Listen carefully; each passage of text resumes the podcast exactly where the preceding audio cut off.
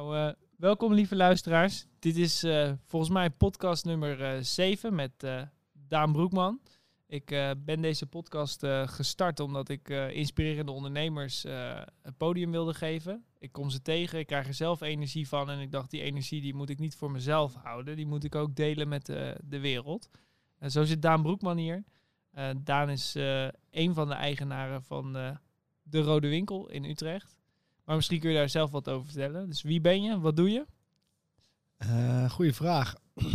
Om te beginnen natuurlijk. Eh, ik ben Daan Broekman, uh, mede-eigenaar van de Rode Winkel en van Tom Broekman in het centrum van Utrecht. Twee winkels. De Rode Winkel is de grootste jeanswinkel van Europa. En Tom Broekman is volgens mij de herenspecialist van Utrecht. Um, en daarnaast ben ik ook nog wat vastgoedondernemer, omdat de panden waarin we zitten, die zijn van ons. Dus daarin verhuren wat kantoren en, uh, en ook wat woningen. Dus. Eh. Cool. In deze podcast wil je het hebben over uh, duurzame kleding. duurzaming van de industrie, van de hele voedselindustrie, van de voedselindustrie. Maar je zei ook dat de olieindustrie eigenlijk de meest vervuilende industrie is. En dat daarna komt, of eigenlijk de energieopwekking-industrie, zei je, moet ik wel correct zeggen. En dat daarna de kledingindustrie eigenlijk de meest vervuilende ja. branche is. Ja, kleding is de op twee na vervuilingsindustrie eh, ter wereld. Ehm, en daar zijn we natuurlijk als winkel best wel bewust van. Um, en daar zijn we ook wel mee bezig. Van hey, hoe kunnen we nou ook de consument opvoeden om duurzamer te consumeren aan die kant. En hoe kunnen we aan de andere kant met merken zorgen dat we duurzamer kunnen inkopen. Of dat we kleding inkopen die duurzamer geproduceerd is. Nou, vet. Voordat we daar verder op ingaan, uh, wil ik eigenlijk nog een stukje van jou blootleggen. Want uh, ja, ik ben uh, ondernemer, word je niet zomaar. Voor mij was het echt wel om te kijken naar bepaalde voorbeelden en mensen die mij echt hebben geïnspireerd van, nou, dat wil ik ook. Maar wie inspireert jou nou eigenlijk in je ondernemerschap? Hmm, goeie, ja. Dat is wel lastig. Ik denk omdat ik er wel heel makkelijk ben ingerold, dat je niet zomaar denkt, oh, ik ga ondernemen, dus dan is dat mijn inspirator. Um, ik heb wel een paar mensen die denk, ja, die hebben me wel geïnspireerd om iets ondernemers te gaan doen. En zo had ik een docent uh, op het CIOS, John van Hezen, en die was altijd al bezig met ondernemerschap en zorgen dat je met nieuwe ideeën of met creatieve ideeën, nou, zeg, geld kon gaan verdienen. Um, en hier was altijd zeg even weer een stapje voor. En voornamelijk op de menselijke kant. Altijd dat menselijke kant werd niet uh, of werd heel erg uh, bij hem uitgelicht. Die is wel inspirerend. Ik denk dat mijn vader is ook wel echt een inspirator. Omdat die, ja, die man die kan zo verschrikkelijk hard werken. Um, en hij heeft toch wel een paar ideeën. Gewoon ik zeg, ja, dat, daar is hij zo sterk in. Um, dat je daar denkt, ja, daar kan je alleen maar van leren van zo'n man. En wat zijn dat voor dingen die je ziet? Dat je denkt, nou, daar is hij echt sterk in? Hij heeft een paar structuren. Zeg, in heel veel werk heeft hij geen structuur, maar hij een... herkenbaar, ja. Maar hij heeft een paar structuren en um, dat zijn zijn ja, handvaten waaraan hij onderneemt en ook thermometers in het bedrijf. Dus iedere maandag dan is zijn hele maandag eigenlijk hetzelfde. Um, om te kijken hoe ze bijvoorbeeld de bankstand, hoe staat het met de voorraad, hoe, hoe verlopen dingen. En dat doet hij het hele jaar door, zodat hij precies eigenlijk op zijn netvlies heeft hoe het afgelopen jaren gaat. Um, waarvan ik denk, ja, als je dus dat soort thermometers hebt, dan kan je ook een onderneming leiden. Ja, dus dat is niet echt uh, met een dag gekomen. Dat is wel jaren ervaring, hoor ik hier gewoon uit. Uh, iemand die het wel snapt ja, voor hem gaat het nu wel heel snel, denk ik. Um, zeker met vernieuwde markten en de, hoe, ja, hoe gaat het op die, op die retailmarkt. Hij ziet ook wel dat het heel snel gaat en dat het ook niet heel erg goed gaat, laat zeggen, op de, in de retailland. Ja. Um, maar hij heeft wel die thermometers waardoor je altijd weet hoe je ervoor staat. En dat je dan zegt, oké, het gaat dus nu niet goed of het gaat nu heel goed. Ehm, waardoor je ook kan zeggen, we gaan nu linksaf of we gaan nu rechtsaf. Of moeten we linksaf of moeten we rechtsaf. Dus, of we gaan nu linksaf. Dat is de goede richting omdat het goed gaat. En de, de rode winkel is best wel een begrip. Hoe komt het dat, eh, dat je tussen al die grote, ja wat zijn het, eh, de grote merken, de grote labels eigenlijk je plek nog kunt vinden? Hoe komt het nou dat de Rode Winkel zijn plek behoudt daar? Ik denk dat dat eh, specialisme is. Want daarin onderscheiden we ons ten opzichte van de rest. Alle andere winkels die hebben zeg totaalcollecties. En wij hebben ook een totaalcollectie. Alleen ja, in jeans, als je een jeans zoekt, moet je bij de rode winkel zijn. Want daar hebben ze gewoon alles. En dat maakt het verschil tussen als je naar een, ja, een Levi store gaat. Of een G-Star of een Just Brands winkel. Daar hebben ze één of twee merken. En that's it. En bij ons heb je gewoon alles naast elkaar. Je kan alles naast elkaar vergelijken. En ik denk ook omdat wij zelf als eigenaar op de vloer staan, dan maakt het wel verschil of je ehm, zelf in de winkel betrokken bent. Eh, dan zien mensen daar wel de hand in dat het menselijk is of dat mensen goed geholpen zijn. Want dat eisen we gewoon van, van onze medewerkers, van onszelf. Want ja, als iemand niet goed geholpen is, dan voelen we ons daar ook niet prettig bij. En dat willen we zelf ook wel in de winkel. Ja, en de Rode Winkel is in mijn ogen ook echt een, een merk. Toen ik jong was eh, en eh, door Utrecht liep, dan uh, ja, iedereen op school had een de Rode Winkeltas. Dat was echt gewoon helemaal een ding gewoon. Het is gewoon echt een merk. Ja, ik had In- het de zeker laatst- in Utrecht, maar Ik had het de laatst nog met mijn zus over, over hoe dat dan ontstaat of de, hoe dat dan gaat. Ehm, toen ik ook wat ja, jonger was, zeg eh 10, 12 jaar geleden, toen middelbare school, dan waren er echt wel mensen die die rode winkeltas, kan je even wat voor me regelen? Of eh, ik zei, ja, dan moet je gewoon een spijkerbroek kopen, krijg je. ja, toen zat Dus- het er al in. en, eh, maar mijn zus die zei precies hetzelfde. En toen was de rode winkel echt een, een, een cool iets. Daar wilde je echt bij horen. Ehm, en dat waren we een beetje verloren, dat coole jongetje van de klas. Ehm, en nu zijn we het weer. Ik voel het wel weer dat we dat weer neer, neer hebben gezet. En dat willen we ook blijven. En dat, ehm, dat is echt de drijfveer om de beste te blijven. Ehm, dat wilden we altijd. En we zijn een tijdje iets minder geweest. Maar nu zijn we gewoon de beste. Ehm, of dat vinden we niet echt dat we de beste zijn. We willen heel graag de beste zijn. En we vinden ons nooit de beste. Dus dan heb je altijd ruimte voor progressie. Ja, ik vind het wel leuk, want ik ben wel eens bij jou geweest. En eh, wat mij vooral opviel is dat jullie team ook echt als een team werkt. En dat heb ik, ja, ik kom best wel veel in, ja, ik kom niet veel in winkels, maar als ik in winkels kom, dan is dat wel wat me opvalt vaak. Is dat mensen daar met de houding zitten van, ja, weet je, ik ben hier nu aan het werk vandaag, ik moet mijn salaris verdienen en ik ga zo weer naar huis. Maar niet bij jullie, want daar merkte ik gewoon, ja, jij wilde mij wat verkopen. Ja. Zelfs mij wil je wat verkopen. En eh, dat was een spijkerbroek die eigenlijk een paar maten te klein was. En toen zei jij, ja, als je het niet past, dan weet je het niet. En instant reageerde jouw hele team.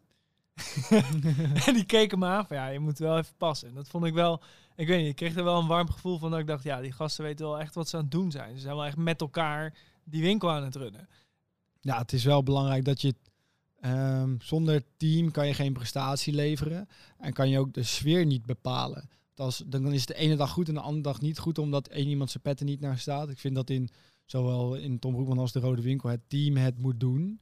Dus ehm, eh, dat, dat maakt beslissend wie. Als je geen teamspelers hebt, dan kan je niet de wedstrijd winnen. Want we hebben een best wel grote winkel en iedereen heeft een positie of iedereen is goed in iets.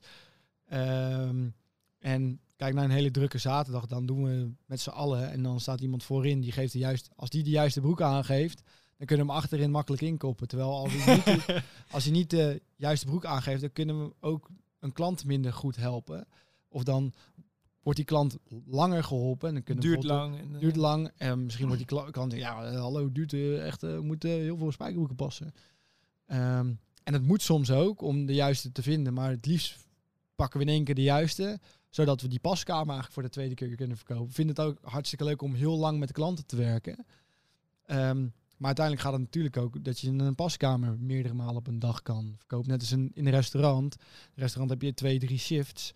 En dan wil je heel graag dat klanten het gezellig hebben. Mensen die daar komen eten. Maar ja, uiteindelijk moeten ze wel na een paar uurtjes weg. Want de volgende klanten staan voor Tenzij ze heel veel drinken. Tenzij ze heel veel drinken. en, Dan, eh, dan eh, dus dan moet je, ja, dan moet je een afweging maken. En ehm, ook in je verkoop van hey, ga ik hier meer aan verkopen? Ja, prima dat die paskamer dan gevuld is. Ehm, maar ja, het sfeer maakt, is heel bepalend. Ehm, of een klant zich prettig voelt, maar ook of je mensen. Ik geloof wel in, als mensen zich gelukkig voelen, blijven ze langer bij je werken. Ehm, en presteren ze ook langer op een goed niveau. Ja, en logistiek zeg je is het eigenlijk best wel complex. Want ja, vaak eh, ja, is het zo, oh, iemand heeft een eh, kledingwinkel is die begonnen. Maar eigenlijk zeg je, als ik jou dan hoor, dan denk ik, ja, het is eigenlijk best wel ingewikkeld hoe het logistiek werkt. Om te zorgen dat iemand snel geholpen wordt, dat het achter, dat het samenwerkt met elkaar. Eigenlijk is dat best wel complexe business. staat wel onder druk. Het is of heel druk in de winkel of niet druk. Het is niet... Het is heel vreemd natuurlijk dat je, we hebben um, in beide winkels hebben we fulltimers lopen. Die, dat zijn eigenlijk wel in principe je beste mensen, omdat uh, die werken meest in de winkel, dus die hebben de meeste kennis. En in het weekend komen daar parttimers bij. En mensen verwachten heel vaak dat een parttimer net zoveel weet als een fulltimer. Nu hebben we echt een heel aantal hele goede parttimers waar ik echt fucking blij mee ben. Ja, nice.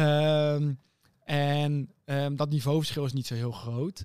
Um, maar uh, door de week heb je wel veel meer tijd voor iemand. Dus als iemand op zaterdag binnenkomt, dan moet je ook daarin verwachtingen managen. Van, nou, sorry meneer, het is vandaag heel druk, uh, want het is zaterdag. Heel ja, logisch, want iedereen is vrij.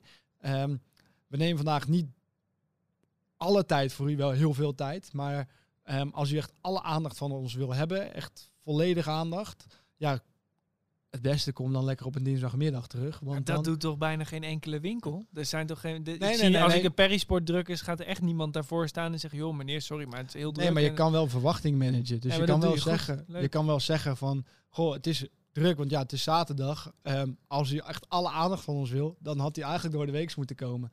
En zeg je, ja, nou dat wil ik niet, want dan moet ik een dag vrij nemen. Oké, maar dat is een keuze. Ja, dat- Dus je laat, ja, mensen hebben een keuze. Dus als je goed, of ja, je wordt altijd goed geholpen. Ehm, maar ja, dat is een keuze die je maakt je kunt om. moeilijk 60 man neerzetten in die winkel. en dan Ja, op zaterdag kan ik de weg. 60 man gebruiken. Echt. Maar ja, dan ehm, als ik een keer niet nodig heb omdat het 40 graden buiten is en niemand, dan heb ik ook personeel wat ik moet inzetten. Omdat ehm, nou, wij we werken bijvoorbeeld, iedereen staat bij ons op de loonlijst, geen eh, inhuurkrachten extern, omdat anders bouw je geen team.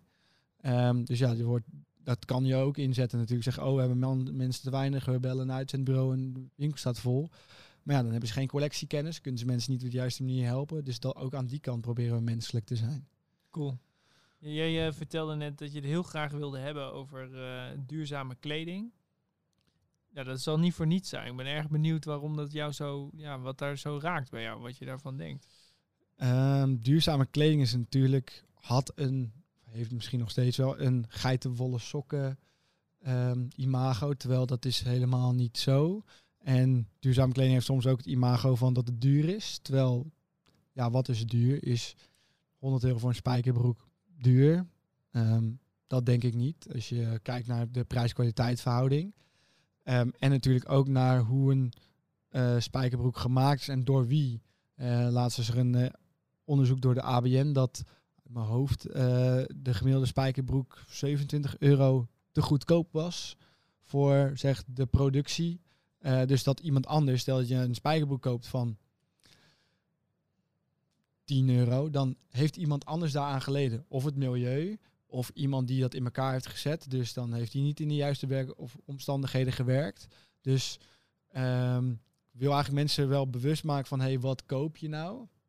Ehm, hoe is iemand behandeld? Want voordat, die, voordat een kledingstuk überhaupt in de winkel ligt, hebben daar waarschijnlijk al honderd mensen met hun handen aangezeten. Of het nou de mensen op de, zeg, kantoenplantage waren, of ehm, mensen die transport deden, of mensen die het in elkaar hebben gezet. Er zoveel mensen hebben daar al aangezeten. Of wij die het even labelen en prijzen, daar zit ook weer iemand eh, bij ons tussen. En iemand die het netjes in het vak legt. En dan als ze die stapel een keer aangeroerd is, nog een keer. Om weer netjes te maken. Maar er hebben zoveel mensen aan het product gewerkt. ehm, dat mensen bewust moeten zijn van eh, dat iets van eh, zeg 5 of 10 euro een kledingstuk, dat kan niet. En toch eh, zijn veel mensen daarnaar op zoek. Online het goedkoopste prijs. Ja, online is prijs natuurlijk heel belangrijk. Dus eh, online is een prijs eh, een USP. Ehm, terwijl bij ons in de winkel is een prijs eh, dat niet bij ons is de service dat. Omdat ik zeg wel eens tegen klanten als ze zeggen ja ik ga het online kopen omdat ja ik ben wel goed geholpen maar online is goedkoper. Omdat ik heb het net gezien op mijn telefoon ik heb het in de paskamer gekeken. Oké, eh, maar had je deze broek gevonden zonder mijn hulp? Nee, dat had ik niet. Zeg dus, die 10 euro extra, ben ik die dat niet waard? Want ja, ik sta hier ook niet gratis. Dus ja, dan, dan zet je mensen wel een klein beetje voor het blok, maar wel bewust maken van mijn winkel, mijn, lampen moeten aan, eh, deze winkel moet open, mijn personeel moet betaald worden, um, ik zelf moet ook nog betaald worden. Um, ja, denk daar eens over na. Heb je het zelf ooit gedaan dat je wat in de winkel zag en dat je dacht ik koop het online?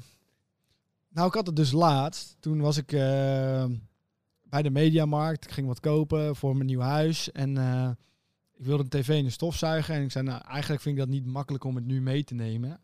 Um, dus kan ik het online bestellen? Zeiden ja, kan wel. Uh, moet je gewoon online kijken.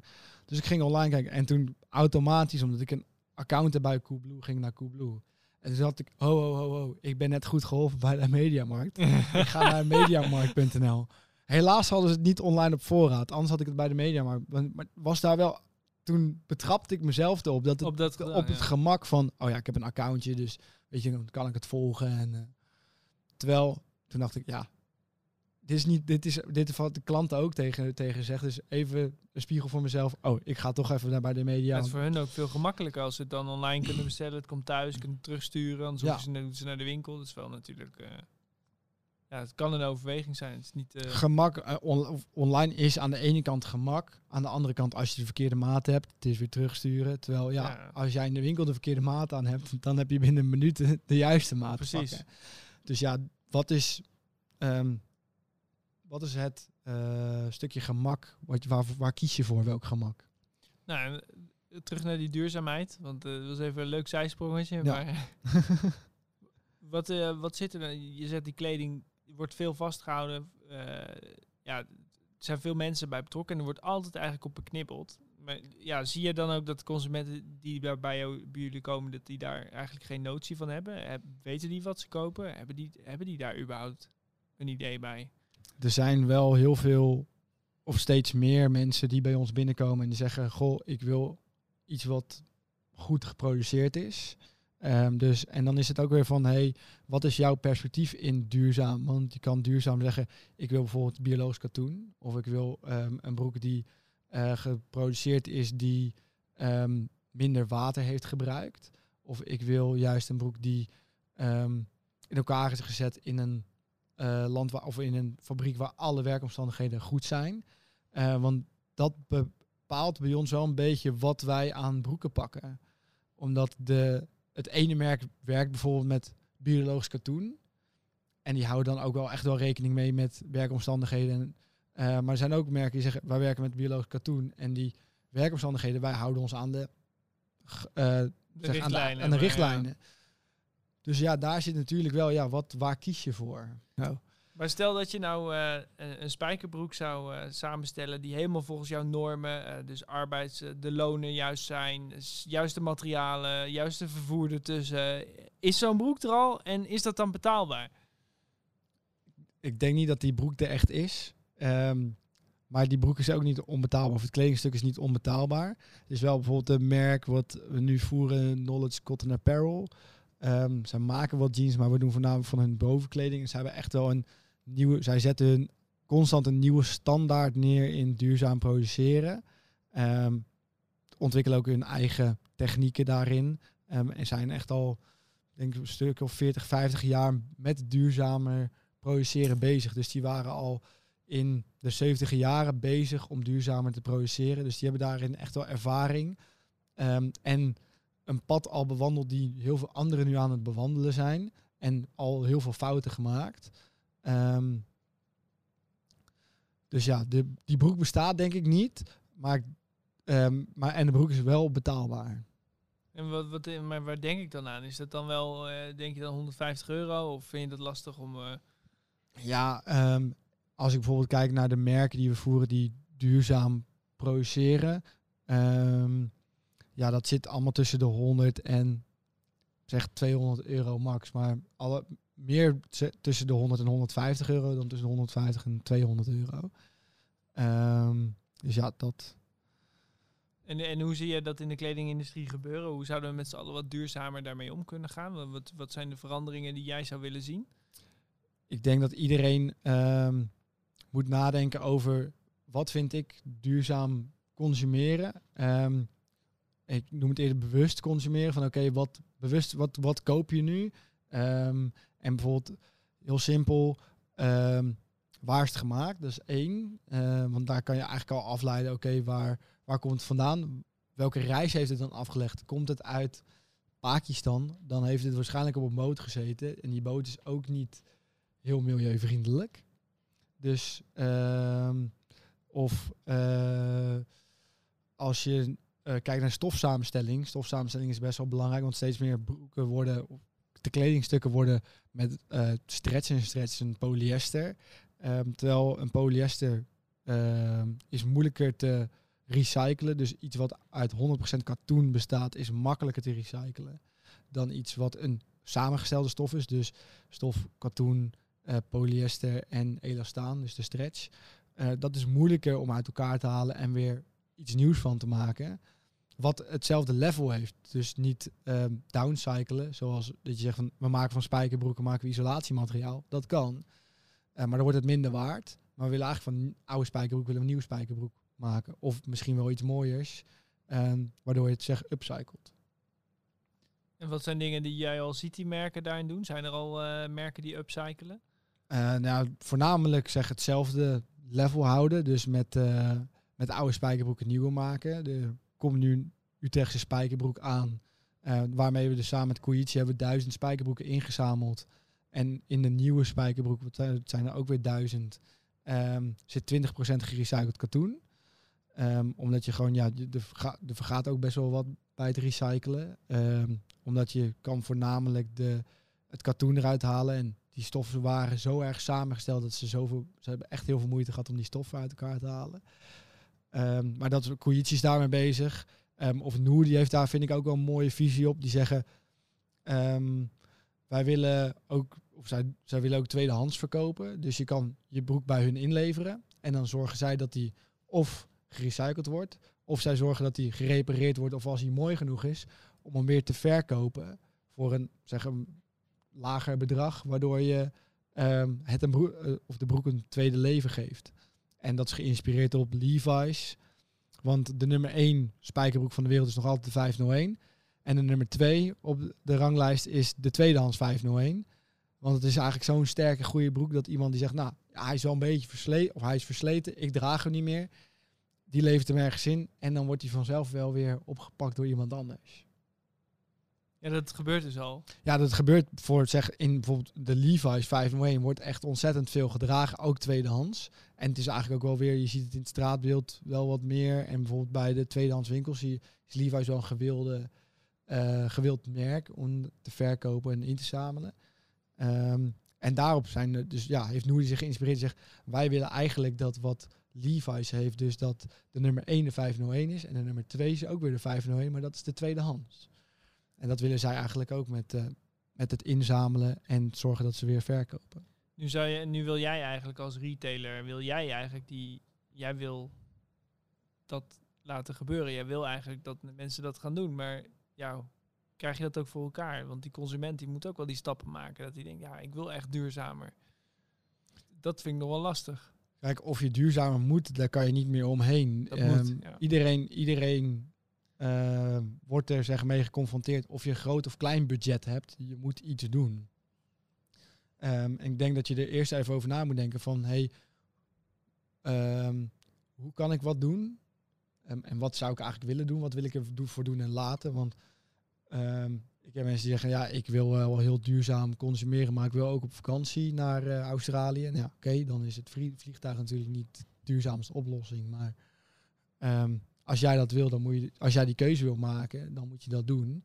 Um, maar als je dan wel zeg, uh, um, duurzamer consumeert op je eigen stukje in uh, Nederland of waar dan ook, um, door minder bijvoorbeeld met de auto te gaan of uh, eerder de fiets te pakken of openbaar voor weet ik veel wat, wat je, wat je allemaal kan doen. maar als je daarover nadenkt, wat kan je doen? En welke vragen kan je stellen? Want als je geen vragen stelt, krijg je geen informatie. Je weet je niet wat je wat je duurzamer kan doen. Ja, dus eigenlijk zou die, die consument gewoon, die roep je eigenlijk bij deze op om wat kritischer te worden en te vragen, hey, waar komt dit vandaan? Wie heeft het gemaakt? Wat voor stoffen zitten erin? En eigenlijk gewoon wat breder te oriënteren ook van, joh, wat koop ik nou eigenlijk? In plaats van te kijken waar ik de beste deal kan halen. Ja, want dat is op lange termijn ook denk ik duurzamer. Omdat, eh, kijk, wij zijn een lokale retailer en ehm, wij bestaan nog omdat we, ehm, hebben natuurlijk een achterban die ons support. Want ja, anders komen ze niet naar ons toe. Er zijn nog steeds heel veel mensen die de Rode Winkel niet kennen en naar de Rode Winkel komen en zeggen, hey, dat is een toffe winkel. En natuurlijk ook een paar mensen die zeggen, ja, ik ben er niet goed geholpen, ik ben geen fan. Die heb je natuurlijk ook. Ehm, maar zolang de, zeg, voornamelijk de lokale ehm, fan eh, bij ons blijft kopen, blijven wij bestaan. En als mensen leuk willen winkelen, laten we het zo zeggen, ehm, en goed geholpen willen worden, dan moeten ze lokale spelers blijven supporten. Ja, want daar zit zo'n ander ding. Die grote ketens, eh, zoals een Zara, die dan in één keer met allemaal me- eh, ook met personeel gewoon komt wat niet Nederlands is en dan in Nederland in de winkel staat. Dat is best wel gewoon bizar eigenlijk. Ja, het is bizar waar iedereen vandaan komt in, zeg, in winkels. eh, dat je oké, kan ik hier Nederlands praten? Ik vind dat niet tegenwoordig een issue tegenwoordig in Nederland. Eh, er zijn natuurlijk mensen die daarover vallen. Ehm, maar meer het persoonlijke, dat je, ja, eh, heel veel mensen zitten al de hele dag op een telefoon, maken zeg een wereldje groter op hun telefoon dan om hen heen.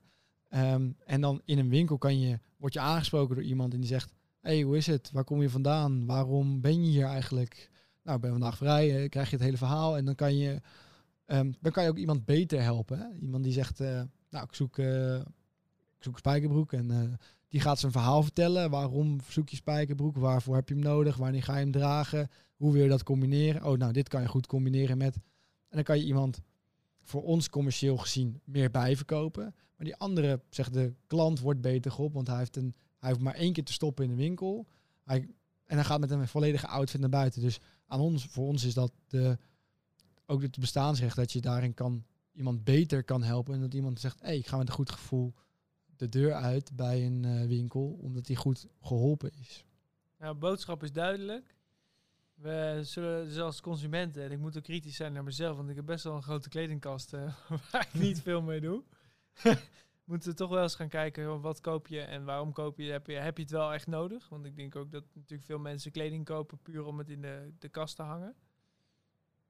Ja, voor één keer aan te trekken. Snap je? Dat, dat, dat is ook niet echt meer eh, van deze tijd. Dus eh, gaaf dat je daar, dat je daar, die, mij heb je in ieder geval een stuk bewuster gemaakt. Dat ik denk, hé, hey, ik zou er wel eens anders mee om moeten gaan. En niet denken, hé, hey, dat paar schoenen ziet er ook wel dik uit, die pak ik er ook nog wel even bij. Ja, ik, ik geloof wel in, eh, zoals mijn broer eigenlijk altijd zegt, die heeft zeggen of een 80-20 of een 30 of een 30-70 eh, regel. Dat je, je hebt eigenlijk, je kast bestaat uit tussen de 70 en 80 procent uit basics. Dus ehm, witte, zwarte t-shirts, overhemden, zeg de dingen die je eigenlijk heel vaak draagt ehm, en makkelijk aantrekt. Ehm, en die vul je per jaar een keertje aan dat je, oh nou, mijn overhemd is versleten, mijn zwarte overhemd, die, die, is aan vervanging toe, die ga ik vervangen. Die draag je dus heel vaak. En dan ieder seizoen dat je zegt, nou, nu is uh, helemaal het, ik moet een panterprint hebben. Nou, dan koop je die en dan draag je die ook vaker in een jaar, of misschien wel omdat het goede kwaliteit is, dat je het vaker draagt. Um, dan een jaar dat je langer in je kast hebt liggen, maar dat je ieder jaar weer een snoepje toevoegt, maar dat je het meeste uit je kledingkast uit basics bestaat. Ja, dan ken je mijn kledingkast nog niet, maar ik heb nee. geen enkele basic. nee, misschien is het voor jou de andere kant op. Dus dat het 80% snoepjes zijn en 20% ja, ja. basics. Zou heel raar klinken als ik zeg dat ik van snoepjes hou. ja, toch? Ja.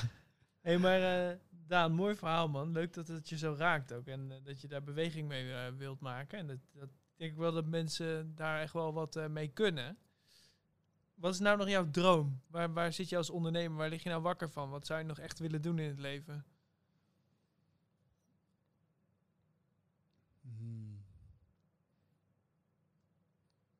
Nou ja, we zijn met een project bezig en daarin ga ik niet heel veel zeggen, maar ik zou wel, um, als we ooit wat gaan bouwen, dan zou ik het wel zo duurzaam mogelijk willen bouwen, zodat mensen dat als voorbeeld kunnen nemen in de stad Utrecht. Dat ze denken, ja, als ik ooit iets wil bouwen, dan is dat gebouw een voorbeeld voor ons.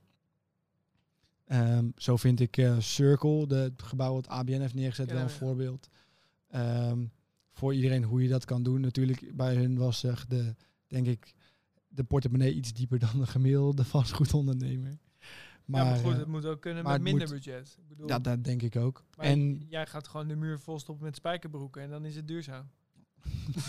ja, dat zou kunnen. Maar ja, misschien dat we daarin wat gewoon zeker gaan inzamelen en dat we daarin wat kunnen doen.